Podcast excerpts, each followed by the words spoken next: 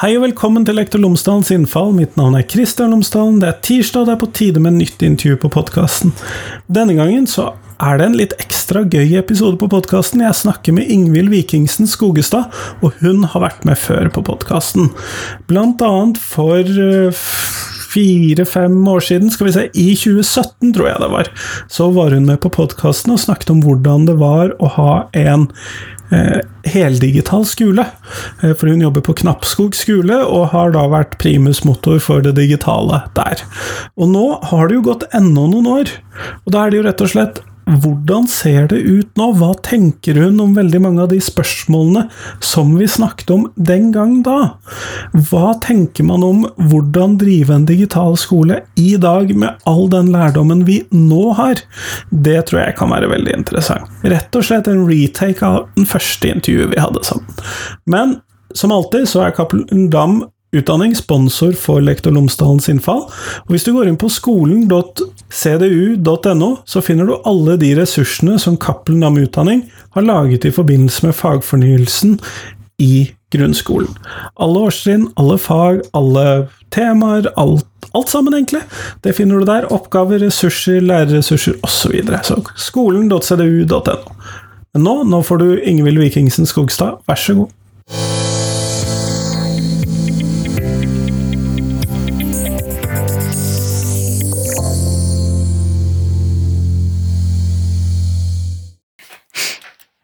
Ingvild Vikingsen Skogestad, tusen takk for at du har tatt deg tid til meg i dag. Jo, bare hyggelig. Du har jo vært med på podkasten før, og det er jo en viss far for at folk da vet noe om deg fra før. Men eh, du må gjerne fortelle tre ting om deg selv denne gangen også, sånn at eh, de som ikke kjenner deg fra før, blir litt bedre kjent med deg. Ja, nå, jeg må jo innrømme jeg er en av de som ikke klarer å høre på meg sjøl, så jeg kan, veit egentlig ikke hva jeg sa sist. Eh, så nei, tre ting om meg sjøl. Nei, jeg har fullført eh, tre halvmaratoner i mitt liv, selv om jeg ikke liker å springe. Eh, jeg, jeg er veldig glad i bøker. Og så er jeg Ja, nei. Sist jeg var på, så var jeg småbarnsmor. Det er jeg ikke nå. Så nå har jeg tre barn i barneskolealder. det er der du setter grensa, ja. For jeg tror jeg sa jeg var småbarnsfar helt fram til de var ti, eller noe sånt. Ja. ja, nei, jeg synes det var veldig deilig å være ferdig med småbarnsfasen, så jeg satt den med begynne i første klasse. Ja. Nettopp, nettopp. Og du har jo vært med før, og det er jo litt av greia med at vi prater sammen i dag. fordi at uh, nå er det fire år siden vi pratet sammen første gangen. Det var helt i begynnelsen av 2018, eller det si opptaket ble gjort i 2017, men vi snakket sammen om det å drive en heldigital skole i eh, 2018. Og så lurer jeg jo mye på hvordan ser dette ut i dag, hva tenker du om dette i dag? Og vi kan jo starte Er du fremdeles det vi kunne kalle heldigital? Eh, da er det jo på en måte et definisjonsspørsmål om alt. Eh, ja, så Hva mener vi med ja, heldigital? Ja, og det er nettopp det. Hva mener vi med heldigital, og hva er heldigital? Og når vi snakket sammen sist, så var jeg vel kanskje mer på det her eh, nyfrelst, nyforelska stadiet. Mens det nå kanskje er gått mer over til kjærleik, som det heter på nynorsk. Altså at jeg er blitt mer kjent, sant? vet litt mer om det positive og det negative, men velger å holde på det, hvis det går an å si det på den måten. Du nærmer deg gift med begrepet? Jeg nærmer meg gift, og på en måte tenker at ja, det her kan jeg satse på, det her kan jeg gå for. I gode og onde dager. Nei. Nei, for det jeg legger heldigital, da, det er jo at det er en digital dings som er hovedverktøyet vårt. Eh, og at Ikke det eneste verktøyet? Overhodet ikke det eneste verktøyet. Og jeg følger jo med i Jeg leser jo ganske mye. Jeg er jo en av de, og det kunne jeg jo sagt meg sjøl, jeg er jo en av disse her nerdene som kan kjøpe fagbøker for egne penger og lese dem fordi at jeg syns det er interessant å sette meg inn i det. Og det er jo noe jeg har gjort mye siden sist. Jeg har lest masse og eh, både på forskning og andre ting. Og utvikla både meg sjøl og det jeg driver med. Men hovedtanken er jo lik fortsatt. Altså at det digitale er jo et hjelpemiddel. At det ja, det er hovedverktøy til elevene mine, men vi har jo skapet fullt av bøker. Vi har blyanter, vi har skrivebøker og konkreter vi går ut. Sånn at det er ett av mange verktøy i klasserommet mitt. Og når jeg planlegger undervisning, så tenker jeg ikke over hvor vi skal jobbe. Jeg tenker hva skal vi lære, og så etter hvert så blir det former på en måte Skal vi bruke skjerm, eller skal vi ikke bruke skjerm? Det er på en måte ikke, det er ikke noe jeg tenker på når jeg planlegger undervisning. Nettopp. Så det er mindre Så det er ikke det at man prøver å si ok, vi skal gjøre dette, hvordan får vi dette til på datamaskinen? Eller på tableten, Nei. eller Nei, det er overhodet ikke det. Og det er sånn jeg er blitt veldig glad i med, der hører du jo at det er blitt litt nerd. Eh, når man kan si at man er glad i ting som er, med fag. Men eh, jeg blir veldig glad i det med sånn baklengsplanlegging. Sant? Det å ta utgangspunkt i, i kompetansemål og årsplan da, som vi har utvikla. Eh, og finne ut hva skal elevene mine lære. Sånn, finne begrep som jeg vil at de skal sitte igjen med når vi er ferdig. Og så gå videre til å planlegge hva produkt, altså hvordan skal eleven da kunne vise meg at de har lært. Og jeg liker at elevene mine er kreative. Og da er det kreativt i alle varianter. Sant? Det kan være med hendene, forme ting, lage ting, eller det kan være digitalt lage ting. Det kan være å skrive, eller det kan være å holde en monolog. Sant? Det Fokuset er da på at elevene mine skal da vise meg at de har lært det vi har funnet ut at de skal ha lært, med et produkt. Og så kan jeg begynne å planlegge da, hvordan skal vi lære, det er det siste. Hvordan skal elevene tilegne seg denne kunnskapen? Skal vi jobbe digitalt, skal vi jobbe i bøker? Veldig ofte er jo det selvfølgelig en kombinasjon. Vi skal begge deler. Eh, jeg liker å lære elevene mine til det å velge metode sjøl, men først må vi lære oss metoder. Og det samme er jo det med produkt. Jeg liker etter hvert at de får velge sjøl hva produkt de vil vise meg. Altså at vi er forskjellige, vi kan forskjellige ting, eller vi er gode på forskjellige ting. Og da kunne vise meg kunnskapen sin med det produktet de er gode på sjøl. Noen er veldig glad i å lage film, hvorfor ikke da vise det i stedet for å måtte skrive de fem sidene? Jeg er i fjerde klasse, de skriver ikke fem sider, men ja. Det, ja men ja, hvorfor kan ikke elevene vise kunnskap på det området de er gode på? Sant? Det er jo det er sånn med lesing. Jeg, jeg jobber mye med det her med dysleksi også disse siste årene, de fire årene siden sist vi snakket. Vi er blitt dysleksivennlig skole, for eksempel. og er, da er det jo litt sånn at en dyslektiker skal bare øve på lesing når han eller hun øver på lesing. I alt annet så kan du få det tilpassa. Og sånn tenker jeg det med produktforskjellige. Elevene mine må bare lage powerpoint når vi skal lære powerpoint. Hvis de bare skal vise meg at de har lært om vikingtida, så er det likegyldig for meg hva produkt viser meg at de har lært vikingtida om det er underordna. Det er på en måte kunnskapen om vikingtida da, som er det primære. Er dette noe som har endret seg da i de fire årene som har gått, eller eh, er dette noe du mer har blitt sikrere på? Det er jo et spørsmål. Jeg har vel blitt sikrere på det, samtidig som jeg Det er jo kommet ny læreplan på den tida her. Og det her med kreativitet og utforske glede, sant? det står jo godt beskrevet i den nye læreplanen. Og eh, så, så, jeg føler jo at det er mer støtta da, at det er mer Ja, det er sånn kan vi jobbe nå. Det er ja. Det ligger til og med inne i læreplanene? Det ligger til og med inne, det er ikke bare noe vi har funnet opp, liksom. Ja. Nei, og det er jo sånn, for noen ganger så tolker man jo læreplaner til ok, dette støtter det vi gjør, og noen ganger så står det ganske konkret.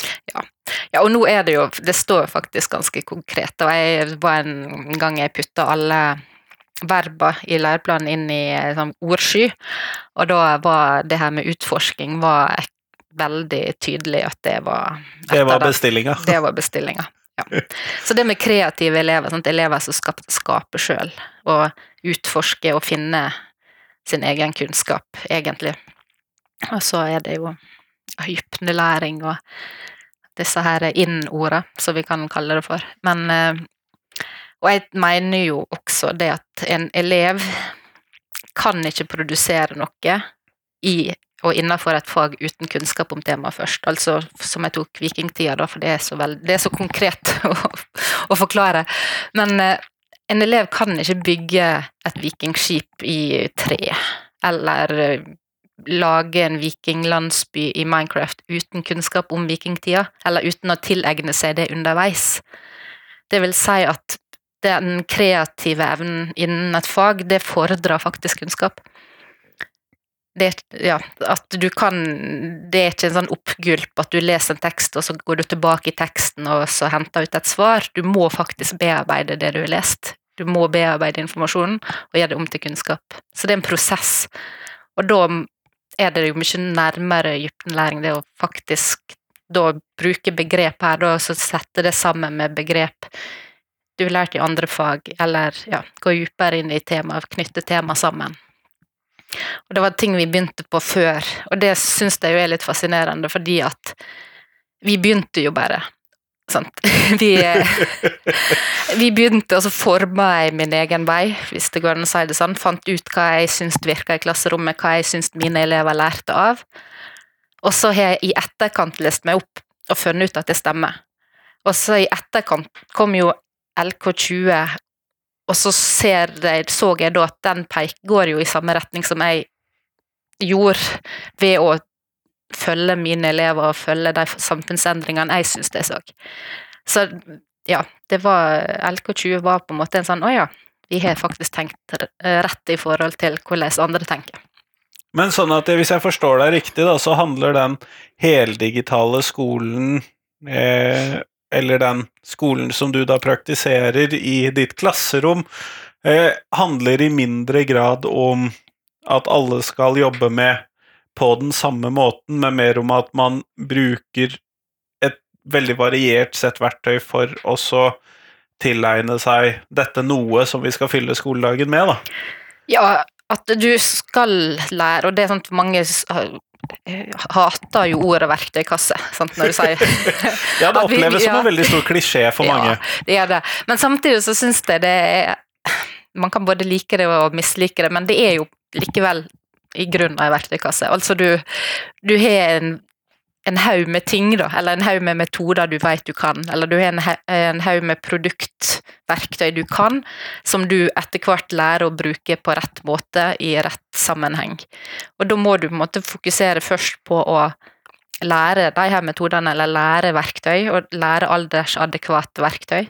Og jeg bruker ofte å si at jeg, jeg som lærer tror jeg er kjempekjedelig fra sommer til uh, jul, for da lærer vi aldersadekvate ting. Sant? Vi må lære leseforståing litt et hakk til. Sant? Vi må lære nye verktøy, vi må lære det aldersadekvate, og så kan vi begynne å utforske etter jul.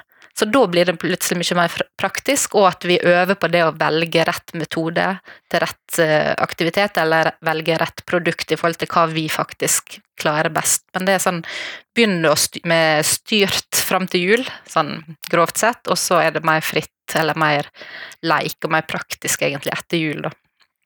Hvordan opplever du at de digitale verktøyene bidrar inn i denne verktøykassen, eller inn i dette, da? Det gir oss jo et større Jeg, jeg har mye mer å velge mellom. Men for min del så er det jo Hjalp det det at jeg tenker på en annen måte. Altså at det, det å få digitalt som hovedverktøy gjorde at jeg tenkte også på bøkene på en ny måte. Altså at det, det snudde hele min ja, pedagogiske tankegang, hele min didaktiske tankegang. Det snudde på alt. Og så er det jo kanskje fordi at før så var jeg veldig bokslavisk. Det var det jeg lærte på lærerskolen. Skulle, ja, og mange av oss er jo det. Ja, og det vi lærte var jo at vi skulle sjekke årsplanen, eller lagd av forlaget, sannsynligvis. Ja. og se hva sa de at vi skulle i veke, nå er vi i veke ti. Ja. Da, hva skulle vi da?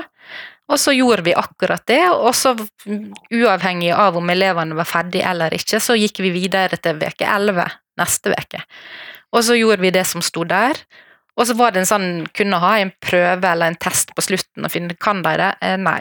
Eh, hva gjør vi med det? Ingenting. Vi går videre, for vi må gå videre skal vi komme gjennom alt. Vi fulgte boka slavisk. Eh, ta matte som et av mine fag, så hadde jo lærerveiledninga veldig mange gøye oppgaver som sånn forslag, men vi rakk jo ikke å gjøre det, for skulle vi rekke progresjon For de sto ikke i årsplanen? Nei, de gjorde jo ikke det. Og det var sånn ekstra etterpå. Men skulle vi gjøre alle oppgavene som var lagt opp til vi skulle gjøre, så rakk vi jo ikke det gøye. Eh, og nå er det jo på en måte det vi gjør. Fordi at den De kjedelige oppgavene, da. Det er jo det vi kaller mengdetrening. De gjør vi nå digitalt, og da går det jo så mye kjappere. Slik at nå det, kan vi bruke tida i timene på disse her gøye oppgavene som jeg tror gir mer læring. Altså utforsking, prøve det ut praktisk. Ja, nå får vi tid til å gjøre det. Slik at det digitale har da hjulpet meg til å frigjøre meg fra boktanken, at jeg må følge noe slavisk. Og jeg må jo også passe på å si det at jeg mener det er like gale å følge et digitalt verk slavisk som et analogt verk. Sant? At vi må, og Jeg blir jo like oppgitt av diskusjonen hvert eneste år, for jo, den, jo, den samme diskusjonen går opp igjen og opp igjen. Og det der Jeg liker ikke å snakke om heldigital undervisning eller digital undervisning, analog digital. Sånn. Vi driver læring, uavhengig av hva vi bruker. og, og jeg skjønner jo at det er fint å ha et læreverk som forteller deg hva du skal gjøre. Om det, er veldig enkelt. Det er veldig enkelt, det er veldig behagelig. Du begynner på toppen, og så jobber du deg nedover, og er du heldig, så kommer du i mål. Men det er jo så kjedelig. Og det er jo i hvert fall kjedelig for elevene. Men det som jeg syns er kjekt, det som er kjekt som lærer, det er å faktisk bruke min utdanning, min kompetanse til å sy sammen, plukke sammen element som jeg mener passer for min klasse. Og det som jeg syns er fint med den nye læreplanen, er jo at kompetansemålene er så vide at jeg kan putte inn det jeg vil i dem. Eller det elevene vil. Altså vi kan spille på den relevansen. At, hva skjer i verden, hva trenger vi å gjøre ja, noe med? Og nå er det sant, jeg er på barneskole, hva er barneskoleelever opptatt av i 5., 6., 7. klasse, hvis vi snakker om samfunnsfag, da? Jo, andre verdenskrig. Det er, andre verdenskrig det er så utrolig spennende. Nei, vi skal ikke ha det om det før på ungdomsskolen, etter gammel læreplan. Og, det, og nå, det, står jo ikke noe konkret, men det står noe om at vi skal lære om, om eh, konflikt, og hvordan konflikten har gjort at samfunnet vårt er som det er. Og hvorfor ikke da spille på noe relevans? Spille på noe elevene liker, noe de er interessert i, og noe vi har i lokalmiljøet vårt. Vi er jo på jeg er jo fra, eller jeg er jo ikke fra, jeg bor jo på Sotra, og da har vi fjellfestning. så det er veldig relevant når vi snakker om andre verdenskrig, f.eks. Og hvorfor ikke bruke det, i stedet for å si nei, vi i boka vår sier at vi skal gjøre noe annet. Eller det å kunne hoppe på en sånn ja, en elev som rekker opp hånda og, og, har hørt noe, sett noe, og så bare ja, det kan vi snakke om. Eh, elevmedvirkning er jo også noe som er inne i, i planen, skal jeg si, læreplanen. Og det fakt og det at elevene faktisk kan være med å påvirke hva de vil lære, da. Selv om jeg syns det er kjempevanskelig. Fordi at jeg vil jo styre det sjøl. Ja, for du hadde jo en plan. Jeg hadde jo en plan. Men jeg har, jeg har begynt med det her å bruke baklengs planlegging i elevmedvirkning. Med å på en måte For da har du Jeg leste den boka til um, han um, Martin um, Oh, lærer eh, Den rekker opp hånda. Ja, Martin Johannessen. Martin Johannessen. Og hun, eh, ja Sunniva Sananger. Sunniva Sananger. Og der deler han jo veldig opp elevmedvirkning i fire. Og, da er, og det her å planlegge for elevmedvirkning, da. Og da er det jo hva, hva skal du lære, hvordan skal du vise at du har lært, eh, vurdering, og hvordan skal du jobbe. Og da har du jo egentlig fire deler i baklengsplanlegging. Altså hva skal du lære, det er den første biten. Sant? Gå i sånn, bryte ned eh, kompetansemål, la elevene være med på det. Kanskje lage mål, læringsmål av kompetansemålet. Eller de kan være med å bestemme produkt, altså hvordan vil du vise at du er lært. Eh, de kan være med å bestemme kriterier, altså hvordan vil du vurderes. Eller metode, sånn, hvordan vil du lære det. Og det å også bare vise det skjematisk for elevene, og så la de på en måte i dag er jeg, jeg bestemt vi skal gjøre sånn og sånn, og dere skal få bestemme her. Hva, hva, hvordan vil dere jobbe her, eller hva skal vi lære nå? Eller hva begrep skal vi lære? Ja. Ja, og, og, dette betyr jo ikke at man nødvendigvis skal levere det samme produktet, hører jeg ut ifra hva ja. du sa tidligere, at uh, man kunne jo levere dette på forskjellige måter. Mm. Ja, og det er, nå er jeg jo i fjerde klasse i år, så vi øver vel fortsatt en del på det her med produkt. Men jeg har noen ganger, senest nå i, eh, før vinterferien så hadde jeg et matteprosjekt der de skulle planlegge en fest. Og da ville jeg, da ville jeg vite hvordan de tenkte. Og derfor ville jeg at de skulle levere det enten som en podkast eller som en film. Eller som en tegneserie. Og Da, eller noe annet, da, men jeg ga dem tre eksempel på måter de kunne levere. Og da hadde jeg alle tre versjonene har jeg fått levert, ja. Noen lagde podkast der de forteller om hva de har planlagt og hvordan de har tenkt. Eh, Andre har lagd en film, og atter andre igjen har lagd en tegneserie om det. Det at de får lov å være med å påvirke litt, og hva ja, hva produkt skal vi lage, og noen blir, er veldig gode på noe, og som jeg sa i stad, så hvorfor skal jeg da si at du skal vise at du har lært noe nytt, og så skal du gjøre noe som du er litt usikker på I tillegg. I tillegg sant? Det, det gir jo ikke mening, egentlig. Men det som jeg syns er litt gøy, fordi at du forteller at du gjør dette her og gir denne valgfriheten i fjerde klasse. Ja. Jeg gjør jo dette akkurat den samme valgfriheten i andre gym. Ja. Eh, eller andre videregående, eh, heter det vel kanskje. Eh, men Ja. det altså, du kan levere dette på podkast, film, skriftlig mm. Her er noen rammer for Ja. hva de må være, men vær så god.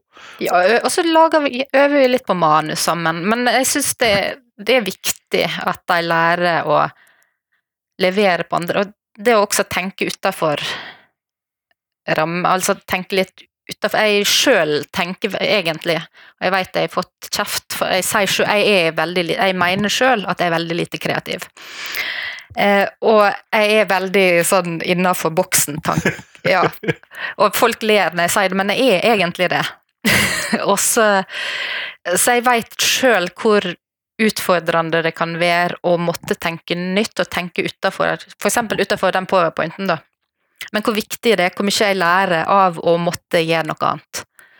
Så derfor så eh, pusher jeg elevene litt på å prøve nye ting, tenke annerledes, og også den mestringa når de får det til, da. For det handler ikke om at du fra fjerde klasse skal spesialisere deg innen et produkt, men du skal på en måte bli pusha til å teste nye ting, og så skal du finne ut hvordan lærer du best, eller hva er best for meg. Jeg syns det var litt gøy det du sa der, for jeg tror jo det at eh, på en del skoler så blir man jo på mange måter presset til å bli spesialist på et produkt fra ganske tidlig, og vi har jo to sånne særlige produkter som går igjen i skolen, og det er teksten, og så er det powerpointen. Mm, og ikke minst den håndskrevne teksten, Ja. med, med viskehull i arket og sånn. Ja. Det er veld, veldig motiverende og veldig Ja. Nei, men jeg, jeg og tenk- Ofte litt håpløst å rette. Fryktelig. Men, men også tenk på alle de elevene vi da automatisk ekskluderer. Eller de som er rett på tilpassing, og så skal de være den eneste som sitter og har tilpassinga. Jeg liker heller da at vi på en måte fra første stund lærer at vi er forskjellige, vi er forskjellige ting. Eh, Jeg gjør det sånn, du gjør det sånn, og begge deler er helt greit. Og det jeg også ser med sånn digitale verktøy, digital, sant? vi bruker masse Kreasa, tegneserieverktøy, sant? det at produktet blir fint for alle. Og sammen med podkast, bruker vi den eh, audioeditoren der. Sant? Alle får det til. Der er lydklipp som gjør at alle faktisk får det til. Og det Om podkasten er ett minutt, så gjør det ingenting. De har faktisk fortalt Gitt en bokanmeldelse allmenn anmeldelse. Noen ord går jo ikke an å si. Eh, og de fikk det til. Og den mestringa skal ikke vi undervurdere. Og før i mitt gamle liv, da, som jeg kan si, før jeg ble digital, var jo Jeg vet ikke hvor mange uferdige produkt som lå igjen etter oss, for vi ble jo aldri ferdig. Fordi at det tar så lang tid, og så sa jo boka at vi skulle gå, Videre. gå videre. Men nå blir vi, er vi der til vi er ferdige, og så blir, er det litt det går litt raskere, altså hvis du skal lage en podkast, eller om du skal skrive en stil på to sider. Ja, for dette hadde jeg litt lyst til å trekke opp, fordi at du eh, Nå har du jo da Alle elevene har jo hver sin dings. Jeg har ikke engang spurt hvilken dings dere har, men det er kanskje ikke det viktigste heller, men Nei, det, jeg, det jeg kan svare, men jeg er litt opptatt av at sant, Eller hva dings vi har, det er helt likegyldig, for vi kan gjøre det samme på alt. ja. Ja. Men vi har Chromebook på de eldste, og så har vi iPad på de yngste. Men jeg hadde Surface når jeg starta, og vi har hatt en periode på skolen der vi hadde faktisk alle tre Samtidig. samtidig, og drev felles utviklingsarbeid. og det var ingen problem. Fokuset er ikke hva dings du har, men hvordan du bruker den.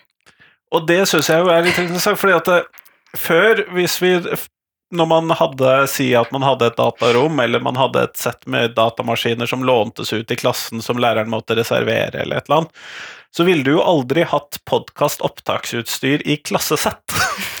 Nei. det er mye du ikke hadde hatt da.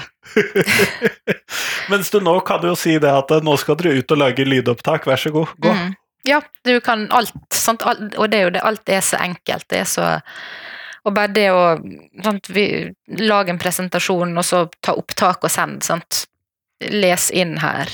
Alt, og det er jo det jeg mener, sant. Alt er så mye enklere, som gjør at jeg får og tar så mye mindre tid, så jeg får tid til det jeg faktisk har lyst til å gjøre i klasserommet. Og da er det jo disse her som da satser på heldigitale læreverk, som alltid sant? Og da fortsatt tror vi må gjennom alt. De har jo ikke tid til det gøye fortsatt. De må, og, jeg, og jeg vet jeg har diskutert med forlag om det her før, som mener at de nå med de nye tingene har klart å tenke utenfor boksen. Og så lager de en A til B-opplevelse likevel. Ja, og jeg må, jeg skal ikke nevne navn, men jeg har barn som har slikt, og når du må ha tre faner oppe for å gi leseforståingsleksa di, Det er, for mange, det er to for mange. Ja, sant? og det er, så mange, det er så mange ting du kunne lagt inn der for å få en bedre opplevelse av- av leseforståelse. Sant? For du, hvorfor skal du lære leseforståelse på skjerm? Jo, for å lese digitale tekster. Og da må den teksten være digital, da. Ikke bare nesten skanna inn. Sånn, Ja, at det, vi, jeg har lesebøker til mine elever. Jeg bestilte engelskbøker til dem i går, for nå var de kommet. Fordi jeg mener at vi, de trenger lesebok i engelsk og norsk. Og der må vi lese, lære leseforståelse, og så må vi finne gode tekster digitalt og lære leseforståelse på dem. Men da må det være digitale tekster som vi lærer. Vi kan ikke skanne inn og så tenke at hurra, nå slapp vi å kjøpe noe, eller kopiere ut. Nei, for de har forskjellig formål og forskjellig bruk. Ja, og der er det Man blir litt oppgitt da når man skal investere så masse penger i noe, og så ser det egentlig ut som ei bok på skjerm, men det er ikke ei bok. Det er bare mer tungvint enn ei bok, for oppgaven, oppgaven står ikke under teksten som det hadde gjort i boka. De står Du må trykke, og så må du tilbake, og så må du fram. Ja. Her er jo jeg litt delt, for jeg foretrekker jo, hvis jeg skal være lærer, at jeg har PDF-utgaven av boka hvis jeg skal ha en digital variant. For jeg syns den er ganske ærlig. Ja, for, og det, det sant, da, da vil jeg heller ha den enn en sånn trykk her og trykk der.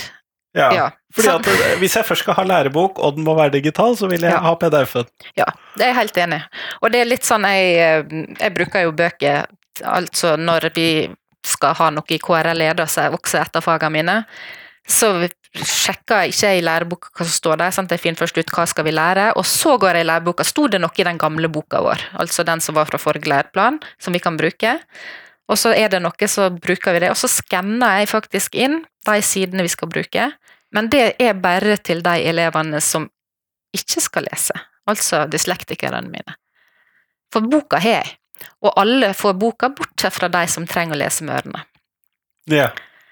Og dermed med en sånn som ikke jeg helt skjønner Det er mye vi ikke forstår her i livet, rett og slett, men når man hører på Og jeg veit jo, jeg har jo jobba litt eh, som rådgiver i kommunen også, jeg gjør det fortsatt, en liten prosent, men kommunene har jo ikke råd til alt vi vil, og man kan ikke både kjøpe fullt digitalt og fullt av bøker, og alle bøkene har ikke kommet. Masse bøker etter ny læreplan er ikke klar ennå. Nei, jeg sitter og er fagkonsulent på Ja. noen nå, jeg, så det Og, og, sånn, og det heldigvis, skulle jeg til si, for hadde alt vært klart, så hadde jo det ikke vært veldig bra. Altså, jeg, det, det er jo bedre at de tar seg tid og gjør det skikkelig. Og for de som lurer på det som hører på, denne episoden kommer jo i begynnelsen av juni, men vi snakker sammen i begynnelsen av mars. Ja. så vi Ja. håper at bøkene er kommet Det, nå. der er noen som står Det er vel kanskje fortsatt noen som står høsten øh, 22 på. Og det gjør det. Ja, jeg tror det. Men det, var, det er en del som skal komme nå den våren her, håper jeg. Men nå var i hvert fall engelskbøker for fjerde klasse klar nå i mars. Nei, men det jeg ikke forstår, da, det er at du har Nesten alle har bøker fra gammel læreplan. Og hvis du bruker bøker fra gammel læreplan, og supplerer med digitale ressurser, så klarer jo du å oppnå det du vil. Men så er det litt sånn, det virker som at vi har putta alle de gamle bøkene vekk, og så skal vi bare bruke det digitale. Jo, men gitt, at hvis, gitt at man følger boka fra første Ja. kapittel til siste kapittel, og så jobber du deg gjennom boka, og det er lærer, lærerprosessen din, Ja. så vil du jo ikke da komme til ny læreplan. Nei, du vil ikke det, det er der, men det er jo litt der at det er kanskje et vi, Man har kanskje ikke tatt inn over seg hva er ny læreplan, da. Sant? Man har kanskje ikke tenkt på at vi må forandre oss. Man har tenkt at ny læreplan, ja ja, vi er som før, og så satser vi på at boka forteller oss hva vi skal gjøre. Eller vi satser på at forlaget har tatt de kloke valgene våre. Uten å tenke på da at denne um, godkjenningsordninga forsvant jo for kjempelenge siden. Ja, i år 2000, faktisk. Ja, jeg- da gikk jeg på ungdomsskolen. Jeg skrev eh, faktisk eh, master om lærebøker i KRLE-faget. Jeg leverte, jeg var ferdig i 2006. Og, eh, så jeg har av og til tenkt på at det var, er jo litt Eller helt i begynnelsen tenkte jeg at det er jo litt rart at jeg som skrev en lærebokanalyse i master, ikke liker bøker, eller ikke, bruker bøker, og så kom jeg til hva var konklusjonen min? Jo, det er jo kanskje ikke så rart likevel. At, eh, at bøkene er bra til det de er gode til. Sant? Jeg liker å ha dem som som et supplement. Jeg liker å hente tekster der, fordi at de faktisk tilpasser elevene med den aldersgruppa. Men det er ikke alt som er bra, det er ikke alt som er relevant nå. Men det å ha dem som en sånn De ligger i klasserommet. De er en tekstkilde. De er tekstkilde, og de, det skal ikke vi undervurdere. For elevene trenger gode tekster.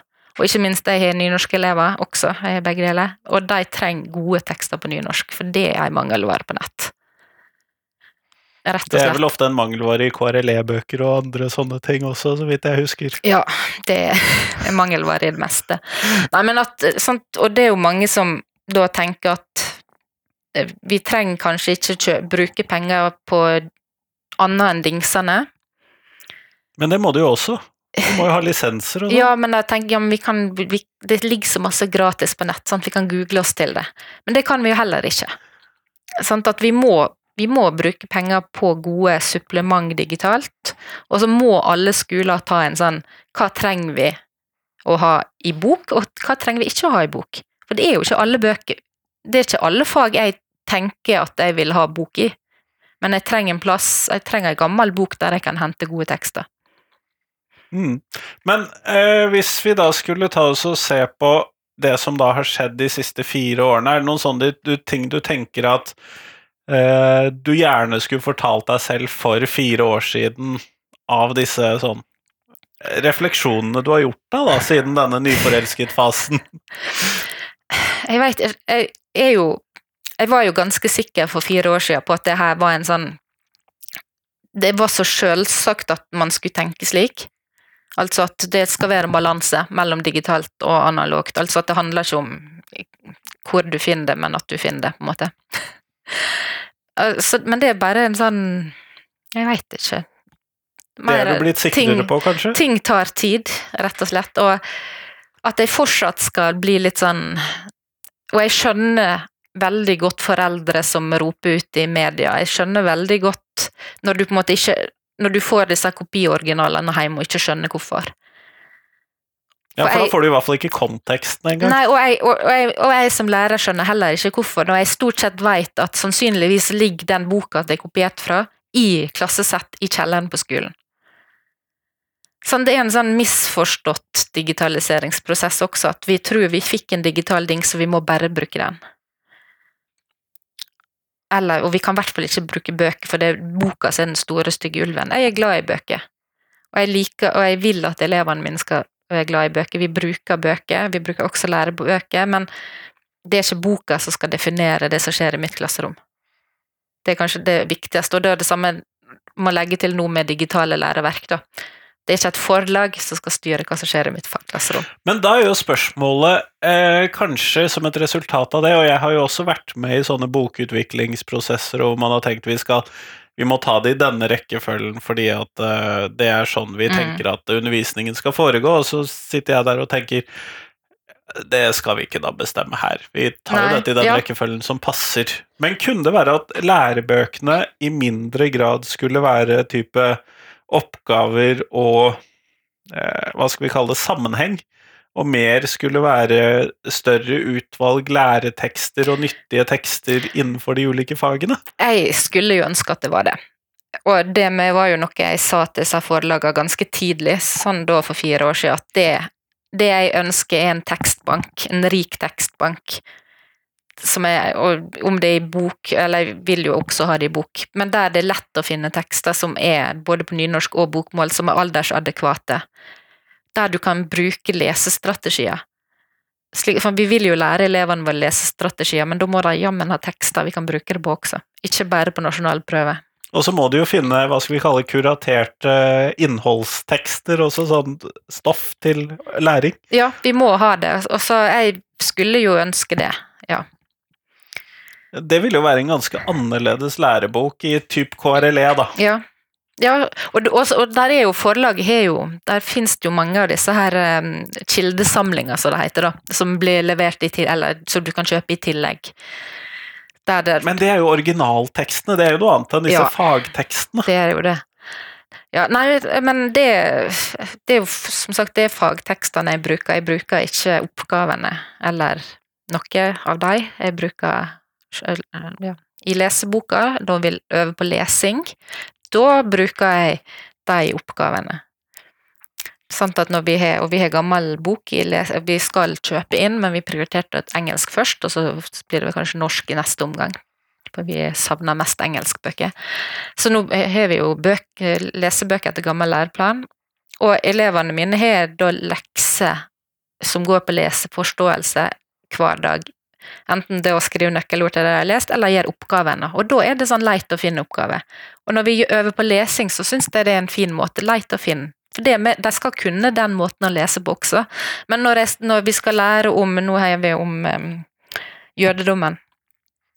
Og skal de lære om eh, synagogen, da de holder på å bygge synagoger i Minecraft, pluss noe som Selvfølgelig. Selvfølgelig.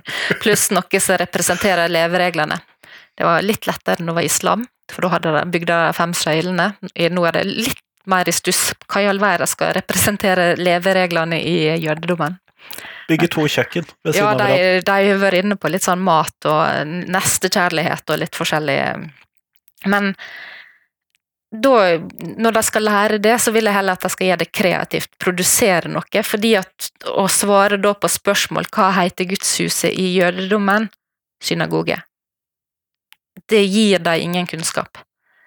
Det er en informasjon de skaffer seg og skrev ned. Altså det er en leseforståelsemetode du bruker til de tekstene, men ikke for å lære den teksten. Da vil jeg heller at de skal produsere det. Slik at å leite etter spørsmål i teksten skal de lære, men da er det i norsk når vi øver på lesing. Og det kan like gjerne være da en KRLE-tekst. Ja, ja, vi bruker Og det, for å si det sånn, så eh, når vi har leseforståing én dag i veka på skolen, og nå når vi hadde nå vi begynte på jødedommen, så var det da tekst fra Vivo-boka som vi brukte til leseforståing, og da var det å lage vølskjema først. Hva vet vi, hva ønsker vi å vite, hva har vi lært? Og så var det å bruke bisonblikk, altså se på bildet, i den boka i norsktimen. Ja.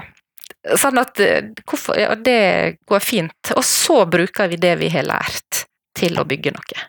Og så brukte vi jo andre kilder, å bruke bison, og det er jo sånn det å lære lesestrategier også på nett. Bruke bisonblikk i, eh, på Wikipedia eller Store norske leksikon er faktisk ganske genialt. For da skanner du sånn Bisonblikk det er jo at du først ser på bildet, så leser du innledningen, så starten, S-slutten, altså du leser siste linjene. O det er overskrifter, altså N er NB-ord, altså ord i kursiv eller understreka. Og da skanner jo du egentlig teksten uten å lese den. Og disse her eh, Wikipedia og SNL-artiklene er jo ganske godt tilrettelagt for dette. Ja, det er det de er. Også, og da vet du, slik at nå når de skulle bygge synagoge, og så fant jeg da en Store norske leksikon-artikkel om synagoge, så når vi da var på overskrift og skanna, så fant de ut hva avsnitt må vi lese i den teksten for å finne ut det vi trenger å vite. I stedet for å begynne på toppen og tro de må lese en hel tekst. Eller med å lese alle overskrifter, så vet du at jeg kan bare trykke her, og så får jeg opp det jeg skal. Det er utrolig god strategi på leksikon på nett, rett og slett. Fordi at du får skanna teksten godt nok til å vite hva du skal lese, og ikke For en leksikonartikkel er jo ikke laga for å lese alt. Det hadde ikke vi orka så mange av heller. Nei, og det kan bli ganske mange av de for elevene i perioder. Ja, og det så da å på en måte gå igjen og lære, prente inn det, det her bisonblikket, da, på en måte det, og da er jo det vi øver på å skanne en tekst for å finne ut hva, vi, hva er det vi må, faktisk må lese her. Ja. Og så produserer vi. Men jeg hører jo det da at denne her eh, At det heldigitale klasserommet, eller digitale klasserommet, eller kanskje vi skal kalle det det fleksible klasserommet, er det kanskje en rettere overskrift etter hvert? Det ikke forlagsstyrte klasserom, nei. klasserommet! La oss Ja. kalle det klasserommet. Ja, Nei, men, og, og jeg, for, jeg forsto også den overskriften, for fordi at jeg tenker jo da at eh, dette klasserommet vil kreve da en helt annen lærebok, og vil kreve andre verktøy og en annen tenkning både fra lærere og skoleledelses side, da. Mhm. Så det er jo et ganske krevende klasserom. Det er et mye kjekkere klasserom. Eh, Det krever klasseledelse. Det krever Og det er på en måte Jeg var på et møte med Vi er jo med i Dekomp med eh, Sleit, Universitetet i Bergen. Var på et møte der nå for litt siden. Der man snakket litt om hvorfor skjer ikke det. Sant? Hvis spør du skoleledelse på skoler, så mener de at man har endra seg. Spør du lærere og elever, så har ikke det endra seg. Det, man gjør det samme som før. Man, ja. Og hvorfor er det en sånn uh, diss Diskrepans. ja, mellom hva man tror har skjedd, og hva som har skjedd? Og, og hvorfor ønsker da lærere da enten lærebok eller hele verk? Sant? Hvorfor? Sant? Og, mens ledelsen mener vi trenger ikke det. Sant? Vi, vi skal, trenger ingenting, vi kan det, vi får det til.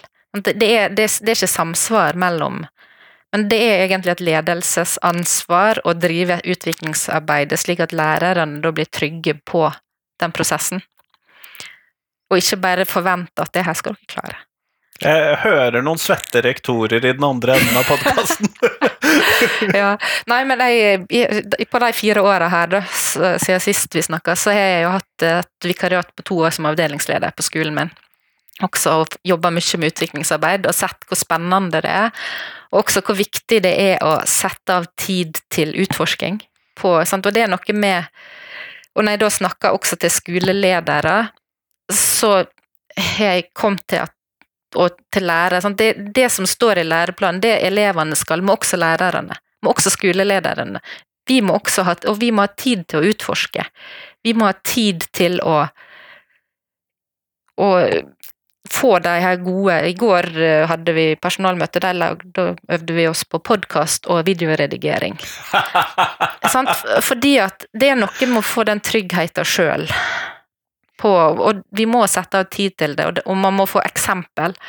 Alle kan ikke gå i sånne Alle kan ikke gå opp stien sjøl. Jeg tenkte godt mye på det i jula. Jeg sunnmøring, og det var mye snø Nei, jula, så det var i vinterferien. Eh, Vi var på Sunnmøre, det var mye snø, og skulle gå på en sånn liten topp. Og da var det en liten, smal sti som var trakka. og det var ganske slitsomt å gå på den lille, smale stien, fordi, og jeg tenkte veldig på de som gikk først her. De måtte for det første vite hvor de var på vei, for hvis det ikke hadde det blitt veldig tungt. Eh, Og de måtte ha ganske guts for å orke å gå opp den veien. Og jeg merkte sjøl at sant, så lenge jeg holdt meg på den smale sti, så var det greit å gå, men hver gang jeg tenkte jeg skulle gå litt på egen hånd, så måtte jeg være forberedt på at jeg kunne gå rett til knes i snø. Og det er litt samme greia i at den, noen må kunne få lov å bevege seg på denne smale stien. Noen er klar til å gå stien opp sjøl, og så må du samtidig ha litt Du må kunne våge å stå til knes. Sånn Du må kunne ta noen avstikker, gi det til ditt eget. Men for noen så må de vite at det her er gjennomførbart. Noen har gjort det før meg, jeg kan spørre. Det er ikke alle som skal drive være førerhunden i dette utviklingsarbeidet. Det, det, og da hadde alle skulle det, så hadde vi slitt oss ut totalt. Og det du sa, spurte i stad om det her med det digitale, hva, eller sånt, det, hva forskjell det hadde gjort. Mm. Og da er det jo det her med Sammer, sant. At den modellen får sant, at Og veldig mange som driver med mm, digital undervisning, eller tenker de driver digital undervisning, de gjør jo det. De er på S-nivå, altså at vi gjør det samme som før, men vi gjør det på skriv med tastatur, altså vi er på uh, substitution-nivået, altså vi gjør det samme, men vi har bare bytta ut bok og blyant med tastatur og skjerm. Og Sette strøm på ting. sette strøm på ting. Og der er veldig mange fortsatt. Sant? Og det er jo der vi kanskje trodde at utviklinga skulle gå litt kjappere.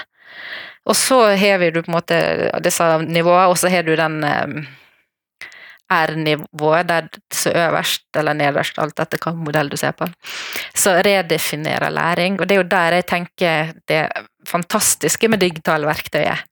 Sant? At du kan gjøre noe helt annet enn du kunne før. Og da sa du det med sånn podkast, før måtte du ha så masse utstyr. Nå er det bare å gjøre det.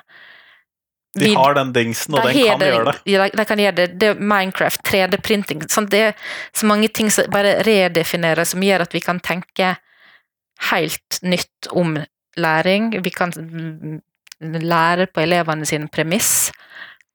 Og ja, og la elevene ta litt mer styring. At vi, det er jo den her at læreren er mer en eh, rettleier enn den her store autoriteten som står og kan alt. Så det er jo den bevegelse, eller fra at vi hadde all kontroll, eller læreboka hadde all kontroll, og vi la oss opp i forkant, til at vi nå skal veilede elevene til å finne sin vei, da. Og så høres det veldig sånn Ja, skal de bestemme alt? Men læreren er fortsatt den styrende sånn, som skal styre dem, hjelpe dem på vei og finne målet. Men det er kanskje andre ting vi bestemmer, eller færre ting vi bestemmer, eller noen ting vi bestemmer sammen. Ja, og det er litt sånn, jeg tenker, jeg er jo ansvarlig for didaktikk, pedagogikk. Jeg, jeg skal legge læring, jeg skal styre dem i rett retning. De får jo ikke frie tøyler. Det er jo ikke de får jo, det er jo, Rammene er jo mitt ansvar, klasseledelse er mitt ansvar. Og, det er jo, og ikke minst, det er jo ikke alle timer som er sånn. Skulle vi hatt Minecraft-prosjekt i alle fag i alle timer, hadde jeg blitt gal. Vi har jo timer som, der vi sitter, der elevene sitter og skriver, eller sitter og regner, og elevene mine får selvfølgelig velge selv om de vil skrive på bok, eller om de skriver på skjerm med penn i OneNote. De gjør det de vil. Men vi, selvfølgelig sitter vi timer og regner. Vi sitter i også andre timer så kan vi utforske med å kjøre sånn sferoball. Nå har vi geometri, så det skal vi snart da utforske, eller prøve å programmere da rektangel, kvadrat og sånn. Men sånn, er begge deler. Vi, vi kan ikke være på R-nivået hele tida. Da blir Da både sliter vi oss ut igjen. da sliter vi oss ut. Så det å finne en balanse Vi har noen sånne gøye prosjekt, og så må vi av og til øve på å kjede oss. Ja, jeg tror det Øve på å holde ut. Og det er jo sant Og det blir jo ikke mindre viktig heller. Nei, og samfunns... Og det, det er jo på en måte Er det samfunnet eller er det skolen som endrer seg? Noen mener det er skolen sin feil at unger ikke kan lese lange tekster, men ungene ingen, vi ser Jeg sjøl klarer jo ikke å se på en eneste film uten å sitte med telefonen samtidig. Jeg klarer eneste jeg kan lese, det kan jeg, men jeg kan ikke se på noe uten at jeg plutselig ser, innser at jeg sjøl sitter og gjør noe annet. Og hvorfor skal vi da forvente at ungene våre klarer det, som aldri har sett på Skomaker Andersen? Nei, det er utrolig tregt. Det er det. Og, sånn, men det barne-TV vi så når vi var små jeg hadde, Vi hadde bare NRK. Vi måtte se det som gikk der og da. Ville ikke vi se det, så måtte vi finne på noe annet. Ungene, var, alternativet var jo enda tregere debatter eller Ja. dokumentarer. men ungene våre har jo ikke lært det. Ungene våre har fra første stund visst at det er et alternativ. Vi kan se barne-TV når vi vil, vi kan skifte, og, og tempoet i det de ser, er jo nok et helt annet enn det, det vi har. Så hvorfor skal vi da forvente at de i utgangspunktet skal klare å sette seg ned og lese? Og holde ut når det er kjedelig? Vi må jo øve på å ha det kjedelig. Vi må øve opp kognitiv kondis. Vi må øve opp og på en måte holde ut selv om vi skulle ønske at. Så det må vi øve på. Ja, det, det gir jo eh, mange ting som blir en utfordring, men du trakk jo opp denne her eh, modellen, og hvor S-en den var det å bare basically sette strøm på ting, denne Ja. substitution, og så skulle du redefine edu, eh, læring eh, som siste nivå. Og hvis vi da redefinerer undervisningen på noen områder, så vil jo det bli den nye S-en. På mange måter, for du vil jo skape en ny normal Mhm. hvis du redefinerer opplæringen i et eller annet Ja. mange nok ganger. Man vil jo det. Så da vil man jo kanskje kollektivt skape en ny normal for denne S-en. Men samtidig så er det jo Men da er, er det jo kanskje noe nytt å strekke seg etter. Sant? Og, da er det, og det er jo det som sånn Innovasjon er spennende, men Og dermed er det jo Jeg merker stor forskjell, fordi at jeg hatt, som jeg sa, to år som eh, avdelingsleder. Jeg hadde undervisning, jeg hadde matte og KRLE. Jeg eh, fulgte et trinn på det, jeg maste meg til å fortsatt ha det. Og så hadde jeg ett år med litt andre ting, da, pluss litt kommunalt før jeg maste meg tilbake til kontaktlærerrolla igjen i år. Men jeg merker så stor forskjell på hva vi har tilgang til. Når jeg begynte digitalt, så var vi ganske tidlig, og det var ikke så masse spennende der ute. Det var ikke så mange, app, så mange apper som var tilpassa undervisning. Det var ikke så mange program, det var ikke så mange verktøy. Nå er det overflod. Sånn at det å velge Eller det er vanskeligere. Og skulle jeg ha prøvd alt som ser gøy ut, så tror jeg elevene mine hadde blitt ganske sprø. Fordi at der er en sånn balanse mellom det sånn innovasjon Er det å bare prøve nye ting? Eller er det å bruke det du har, på en ny måte? Og jeg er kanskje sant, Jeg er der at vi prøver ikke veldig masse nye apper. Jeg, um, og det er jo litt samme som jeg sa i starten, sant? bakgrunnsplanlegging, hva skal de lære? Ikke hva app skal vi bruke. Det er jo viktig, men så, hvordan kan vi da bruke det vi allerede kan, eller det vi har, på en ny måte, eller må vi ha noe nytt for det her? Altså, ikke kaste seg på alle nye apper, alle nye program, både av personvernet til elevene, ikke minst, men også fordi at sånn, de skal bli gode på ting. De skal lære seg også å holde ut i ting, eller utforske og finne på nye funksjoner i det vi allerede har. For jeg syns ikke jeg, ja, jeg er ikke av de som tenker at oi, en ny app, det blir gøy. Det Nei, mer- for det må jo ha et formål, det må være en grunn til at du tar den i bruk. Ja, og nå er det så mye å velge mellom også, at du må på en måte bare velge, og så stå for det. På mange områder. Og så kan man se om man etter en stund kanskje kan gå videre til noe annet. Men det er noe med et formål. Hvorfor skal vi bruke den? Og ja, og bli god på det. Fordi at de fleste har faktisk en del ja, Veldig mange program og verktøy har flere funksjoner enn vi egentlig vet om. Ja, det har jeg oppdaget. Det er litt sånn vi kan Word, vi tror vi kan det helt til vi Å ja, det er meg og Ranja. Ja, alltid masse gøy. Det er det. Men Ingvild, vi går mot slutten av podkast-tiden vår, og da så skal jeg jo spørre deg om det faste spørsmålet, og det er for tiden hva er de tre viktigste tingene som skolen lærer elevene? Ja, Det er jo ekstremt vanskelig å svare på, egentlig. Og på en måte så har jeg jo lyst til å svare disse her sånn Kognitiv kondis, sånn, det å stå i problem til problemet faktisk er løst. Eh, og Kanskje ikke akkurat livsmestring, for det med å bli en sånn flott eh, Men det å kunne stå i livet sitt, da. På en måte det å lære at alt er ikke Alt kommer ikke servert på et sølvfat alltid. Vi Det er litt kondis, det òg. ja, det er egentlig den samme, det at vi må tåle noen nederlag. Vi må tåle Altså, det å lære, lære å lære, tenker jeg er viktig. Det å og det er det jeg snakker mye om det, vi bruker masse tid på leseforståelse, for det handler mye om det å lære å lære, vite når skal vi gjøre hva. Eh, også det å bli trygg på seg sjøl. Det å mestring, mestringsglede. Det å tenke at jeg kan også klare, jeg får det til. Det går jo litt på kognitiv kondis, men det å ikke møte nye utfordringer med at 'å, det får jeg i hvert fall ikke til', men det å kunne bryte ned et problem til løsbare element.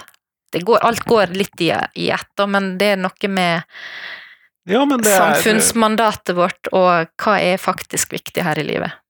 Mm, Kjempeflott. Tusen takk for at du tok deg tid til meg i dag. Jo, det var veldig, veldig kjekt.